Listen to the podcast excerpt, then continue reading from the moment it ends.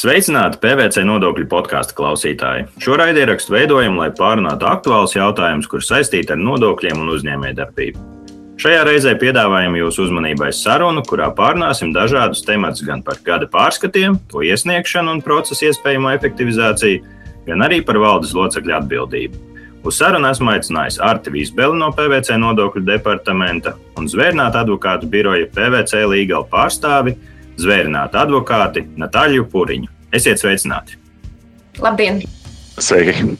Sarunas pirmajā daļā pārunāsim aktualitātes saistībā ar uzņēmumu gada pārskatu iesniegšanu. Kā zināms, saskaņā ar veiktiem grozījumiem Covid-19 infekcijas izplatības seku pārvarēšanas likumā, arī šogad ir pagarināts gada pārskatu un konsolidēto gada pārskatu iesniegšanas termiņš par veseliem trīs mēnešiem. Kas gan nozīmē, ka pārskatu iesniegšana tuvojas jau pavisam drīz. Arti, varbūt tu jau vari izdarīt pirmos secinājumus saistībā ar aizvadītā gada pārskatu iesniegšanu, un kas varbūt ir tas, ko mūsu klausītājiem būtu vērts apdomāt, lai šo procesu būtu iespējams virzīt ātrāk. Jā, pārskatu periods tuvojās tiešām noslēgumam. Atlicis ir aptuveni kāds mēnesis. Manuprāt, šobrīd ir tas īstais laiks, kad apdomāt, ko mēs varam izmainīt tā, lai nākamajā gadā mums tas process ietu raitāk. Katrā ziņā viena no lietām, noteikti, ko ir vērts pieminēt, ir kopēšana, ko mēs pēc tam veicam pie sagatavota pārskata uz EDS sistēmu, ka tas noteikti ir viens no mazajiem būtiskajiem solīšiem, kuru tomēr mēs varam automatizēt un nodrošināt to, ka mēs šos datus nevis ievadam manuāli EDS sistēmā, bet ieimportējam automātiski un jau tādā veidā samazinam laiku, kas mums jāpatērē, lai paveiktu šo darbu līdz galam. Kas parasti ir laikietilpīgākais, sagatavojot šos pārskatus? Kad ir komunikācija ar klientu, tad uh, tas noteikti ir viens no tādiem diezgan laikietilpīgiem procesiem, jo bieži vien visu informāciju līdz galam precīzi tādu, kādu mēs gribētu viņu redzēt, mēs uzreiz nesaņemam. Atkarībā no, no klienta un uh, no datu kvalitātes, tad, tad attiecīgi ieslēdzās kaut kādi jautājumi no mūsu puses, uh, kaut kādas precizēšanās par informāciju, par darījumu būtību un tam līdzīgi. Tā noteikti ir viena lieta. Otra lieta ir, kad mēs esam jau sagatavojuši to pārskatu līdz būtībā pirmajai gatavai sagatavai, tad beigu beigās klients arī pārskata. Ja, ja klientam ir nepieciešama arī revīzija, tad no, tā, no pēc revīzijas noteikti ir komentāri, kur ir jāveic šādi tādi labojumi. Un uh, viena no lietām, kas prasa diezgan daudz laiku, ir pāris teikt, ciparu labošana, kas, kas gan gada pārskatā ietekmē vairākas pozīcijas, kas nozīmē, ka pie katra labojuma mēs pārkoriģējam vairākās vietās ciparus. Un tad, kad mēs beigu, beigās esam nonākuši pie, tā, pie, pie gala versijas, kur jau būtībā būtu gatava iesniegšanai, tad pēc šīs labošanas mēs atkal visu to informāciju, kuru esam sagatavojuši jau mūsu pārskatu sagatavē, tad sākam kopēt uz EDS. Un vēl viens faktors noteikti ir, protams, ja ir vairāki gada pārskati jāsagatavo vienlaicīgi, tad, tad protams, tas termiņš ir tāds. Visiem tas termiņš ir vienāds, un attiecīgi šis periods, kad visi šie pārskati ir jāsagatavo, ir diezgan uh, intensīvs ar ļoti daudz darbiem, kas jāpadara salīdzinoši vienlaicīgi. Kas ir tas, ko tu varbūt pielieto savā ikdienā, sagatavojot gada pārskats klientiem, kāda jauna risinājuma, automatizācijas iespējas? Mēs paši lietojam dažādus veidus. Mums visbiežāk klienti sūta datus tiešām arī Excel formātā. Un tad viens no variantiem, ko mēs paši praktizējam, ir sagatavot visu gada pārskatu jau Excelī, kas no vienas puses nodrošina to, ka visa matemātika tiek automātiski salikta jau pēc konkrētiem uzstādītiem kritērijiem, bet tāpat laikā paliek tās pašas formatēšanas lietas, kur Excel tomēr nav tik draudzīgs kā, kā tas pats Word. Un tad tur uh, mēdz būt tādas, šādas tādas maziņas aizķeršanās, kuras mums pašiem ir jāpiekoriģē.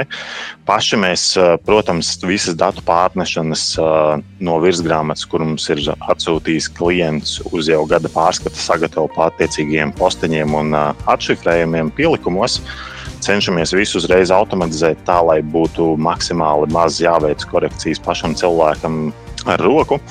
Līdz ar to samazinās arī kļūdu iespēja. Paši mēs izmantojam tiešām arī dažādus variantus, gan tikai Excelī, gan, gan arī ir pāris, pāris mazāki klienti, kam mēs izmantojam tikai Wordu.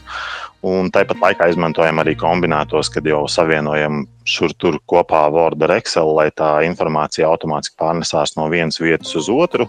Tādējādi mēs skaitliskās vietas varam pārliecināties, ka viņas visas jau ir pareizi sakalkulējušās. Savukārt, tur, kur mums ir vairāk jāstrādā ar teksta korģēšanu un noformatēšanu, tad to mēs varam darīt pašā Wordā iekšā. Saka, lūdzu, kā tas ir atvieglojis tavu darbu un varbūt kā tas ir palīdzējis klientiem? Radīt viņiem nepieciešamos pārskatus.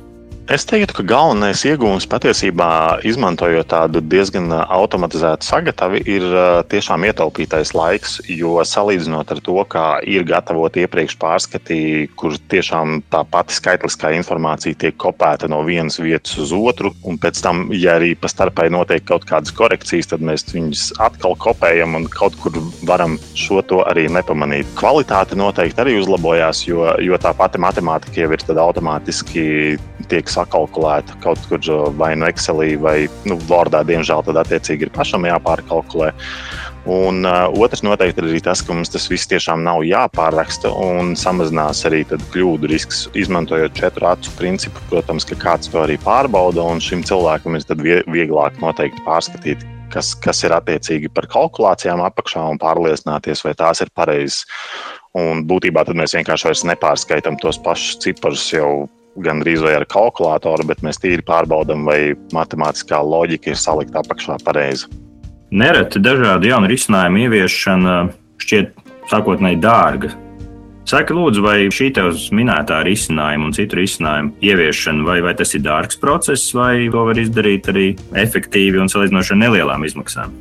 Es patiesībā teiktu, ka to pašu klasisko scenāriju izmantojot, ir pietiekami daudz cilvēku pārzina diezgan labi Excel, bet mīnus tur varētu būt, ka tiešām ir šur tur nianses ar formatēšanu. Galvenais jautājums noteikti ir, cik kuram cilvēkam ir pieejams laiks, lai šo sagatavību izveidotu. Bet es teiktu, ka, ja pietiek zināšanas un var tam veltīt arī kaut nedaudz laiku, tad es domāju, to var salikt pašu spēkiem. Protams, ir gadījumi, kad, kad nav tik plašas zināšanas par, par to, kā to visu kombinēt kopā un salikt. Tad, tad tur mēs varam nākt palīdzīgā un uh, salikt jau būtībā gatavu sagatavi, tā skaitā ievietojot iepriekšējā gada datus un tekošā gada datus, lai tad var arī klients pats pārliecināties par to, ka uh, visa klasifikācija notiek tieši tāpat kā iepriekš, vai arī tieši tā, kā viņš to grib redzēt, un attiecīgi jau to izmantot nākamajiem gadiem. Jo būtībā tas ir vienkārši tāds vienreizējs uzdevums, kuru mēs izdarām, un pēc tam jau tas darbs vienkārši iet nākamajos gados raitāk un ir vieglāk saprast, kā to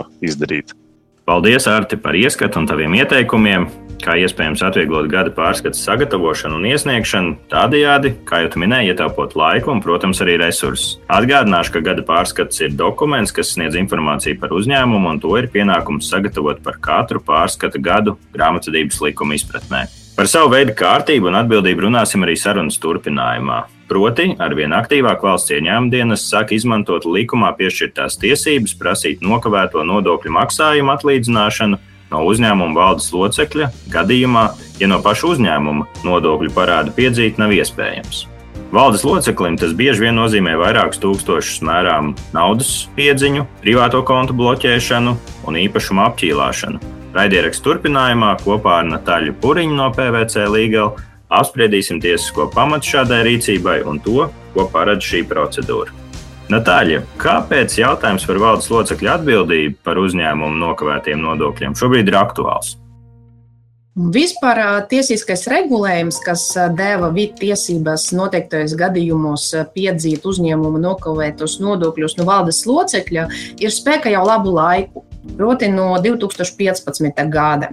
Tas tika ievests ar mērķi motivēt uzņēmumus pildīt savas saistības pret budžetu kārtīgi un cīnīties ar prakses sastopamiem gadījumiem, kad uzņēmumu īpašniekiem vai vadītājiem bija vieglāk un izdevīgāk nodibināt jaunu juridisku personu, novirzot uz to atlikušos naudas līdzekļus un aktīvus, nekā ņemties ar parādos slīkušu firmu. Regulējuma mērķis ir panākt, lai budžetam pienākušie maksājumi tur tomēr nonāca. Ja ne no paša nodokļu maksātāja juridiskas personas, tad no fiziskas personas valdes locekļa, kura vadības laikā šī nodokļu parādi ir izveidojušies. Un te jāatzīst, ka nav arī starpības, vai jūs esat uh, amatā esošais valdes loceklis vai jau bijušais valdes loceklis, kurš savas pilnvaras nolicis. Galvenais, lai nodokļu parāds ir izveidojis konkrētā valdes locekļa vadības laikā. Bet sākumā vid, uh, visai rēti izmantoja savas tiesības uzsākt procesu uh, pret uh, fizisku personu. Regulējums bija jauns, gan bija zināmas šaubas par piemērošanu. Tomēr šobrīd šādas tiesības ir izmantojamas ar vien biežāk. Līdz ar to tieši šobrīd ir aktuāli un svarīgi runāt ar uzņēmējiem par riskiem, kas ir saistīti ar šī īpaša regulējuma piemērošanu. Cik valsts ieņēmuma dienestam ir sarežģīti uzsākt šādu nodokļu atlīdzināšanas procesu pret valdes locekli? Nu, jāsaka, ka diezgan sarežģīti, bet nav neiespējami. Jāatcerās, ka regulējums ir izveidots tāda veida, lai valdes locekļa atbildība par juridiskas personas saistībām iestātos tikai izņēmumu gadījumā kad tiek konstatēta bezatbildīga rīcība attiecībā uz likumā noteiktām saistībām un ignorējot valsts intereses.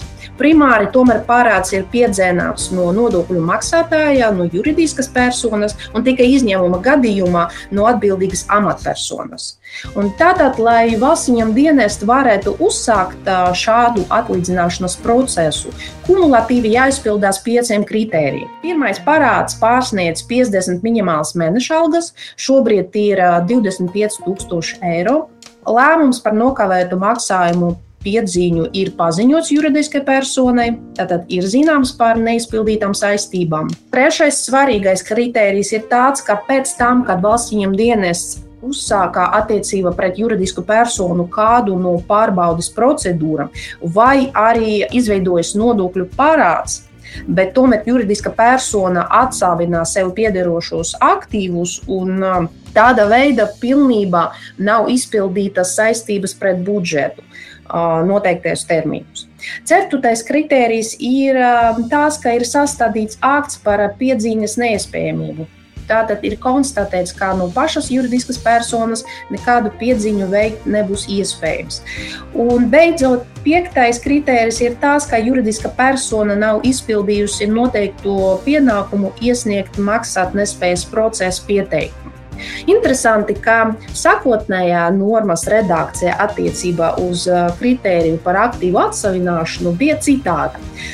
Proti, valstsīņam dienestam vajadzēja konstatēt, ka aktīvi ne tikai atsavināti, bet atsavināti tādai personai, kura attiecība pret valdes locekli ir atzīstama par interesētu personu. Šeit korekcijas normas uztvērē ievieda arī tiesu praksi, jo bija atzīts, ka interesētas personas noteikšanai būtiska ir tās tieša vai netieša mantīska interesētība. Līdz ar to nozīmes nav formālai atbilstībai uzskaitītam personu lokā. Piemēram, ja kāds uzņēmuma aktīvs ir atsāvināts valdes locekļa tuvajam radiniekam, tas uzreiz nenozīmē, ka šīs tuvs radinieks automātiski ir atzīstams par interesētu personu. Un praksa parādīja, ka tieši ar šī kritērija izpildīšanu, konstatēšanu, es pat teiktu, valsts dienestām klājās visgrūtāk. Un tad likumdevējs nāca palīga un groziešu normu.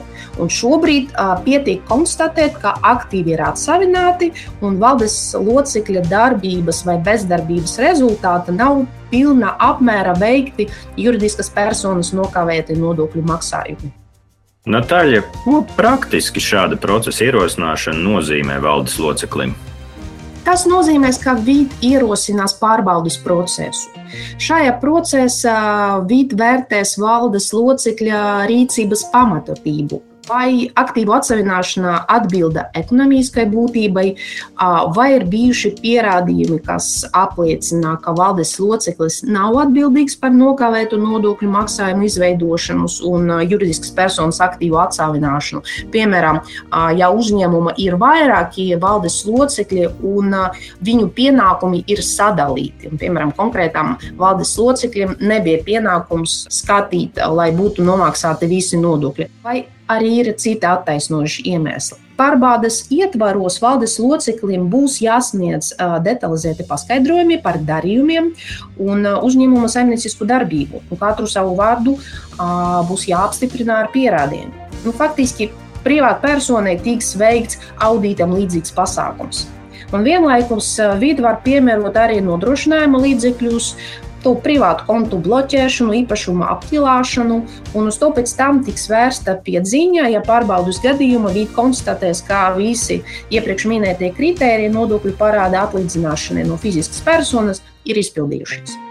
Un kā izvairīties no šāda atlīdzināšanas procesa? Pirmkārt, pildīt krietna saimnieka funkciju un prātīgi un atbildīgi vadīt uzņēmumu. Ir nepieciešams veikt saulaicīgas rīcības, lai novērstu nodokļu parāda izveidošanos. Gadījumā, ja tā vai cita iemesla dēļ uzņēmums tomēr nonāk finansiālas grūtības, valdes locekļa primārais pienākums ir rīkoties savlaicīgi un atbilstoši tiesību normām.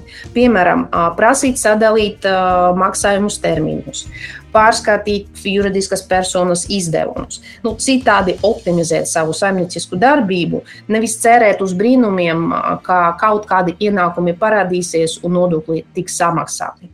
Pretējā gadījumā nodokļu parādu nāksies maksāt pašām valdes locekļiem. Otram kārtam arī izmantot visas likuma paredzētas iespējas, lai novērstu šī nepatīkama lēmuma pieņemšanu. Piemēram, likums nosaka, ja pēc brīdinājuma par šāda atlīdzināšanas procesa ierosināšanu juridiska persona vai valdes loceklis, kurā pilnvaru laika nokavētie nodokļu maksājumi ir izveidojušies, 15 dienu laikā ir iesniegts tiesa tiesiskas aizsardzības procesa vai maksātnespējas procesa pieteikums. Tad, ja tiesa ierosinās tiesiskas aizsardzības procesu vai maksātnespējas procesu, tad valsts viņam dienas izbeigs atlīdzināšanas procesu, un šis nepatīkamais lēmums netiks pieņemts. Paldies, kolēģi, par sarunu! Šodien kopā ar Artu Vīsbeli un Natāļu Puriņu apspriedām jautājumus par gada pārskatu sagatavošanas procesa efektivizēšanu, kā arī runājām par valdes locekļu atbildību attiecībā uz uzņēmumu nodokļu parādiem.